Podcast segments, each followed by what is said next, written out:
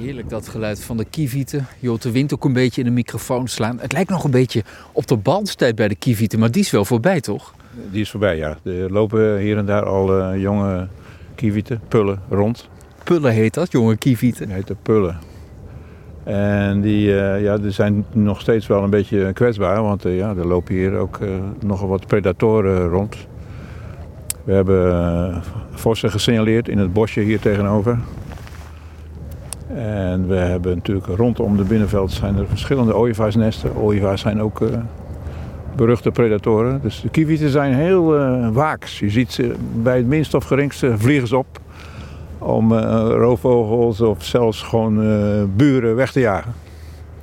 Dat maakt het heel uh, dynamisch. Ja, die zijn goed op hun hoede, vliegen op om dan maar te proberen. Stel er is een vos in de buurt om die af te leiden naar een ander plekje, zodat hij maar niet op de plek komt waar de jongen zijn. Zeker. Ja. Nou staat er toch ook een jachthuisje.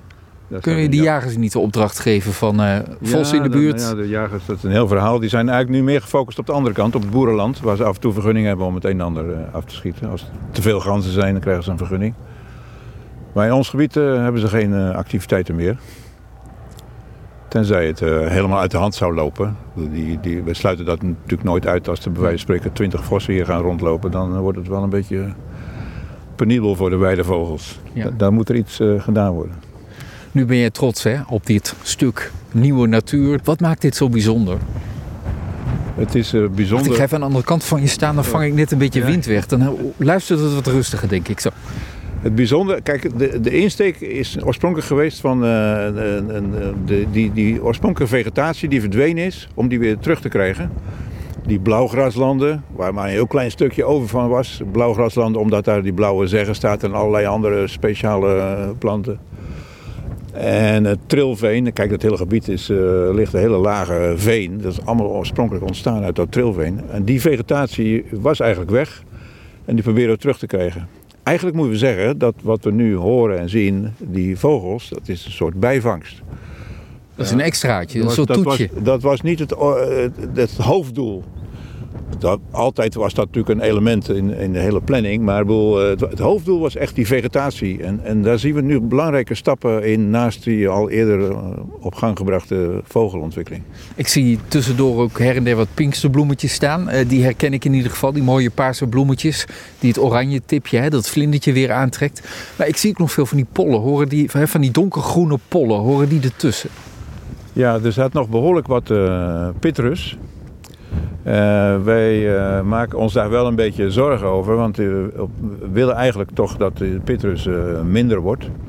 We zien wel dat het aantal pollen zich niet uitbreidt. De, de pollen worden misschien wat groter, hier en daar, of zijn in het beste geval stabiel.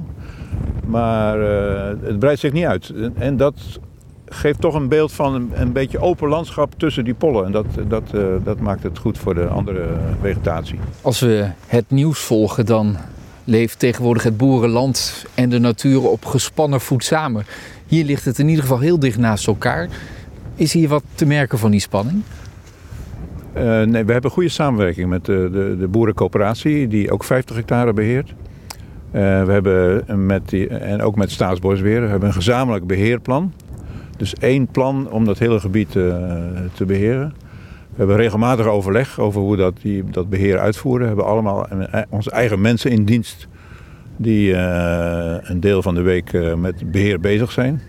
En daar worden conflicten uitgesproken. Ja, een, een strijdpunt is altijd natuurlijk logischerwijs van wanneer gaan we maaien. wat ons betreft zo laat mogelijk. Wij maaien zelf pas in september.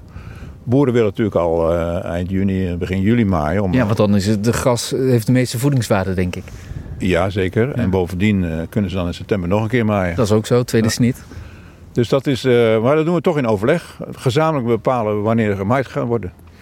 En de Weidevogelvereniging waar we nou mee samenwerken, die heeft daar een, een belangrijke rol in ook. Ja. Klinkt een beetje alsof jullie ook een voorbeeld zijn of kunnen zijn voor de rest van het land. Van ja, zo kan het ook.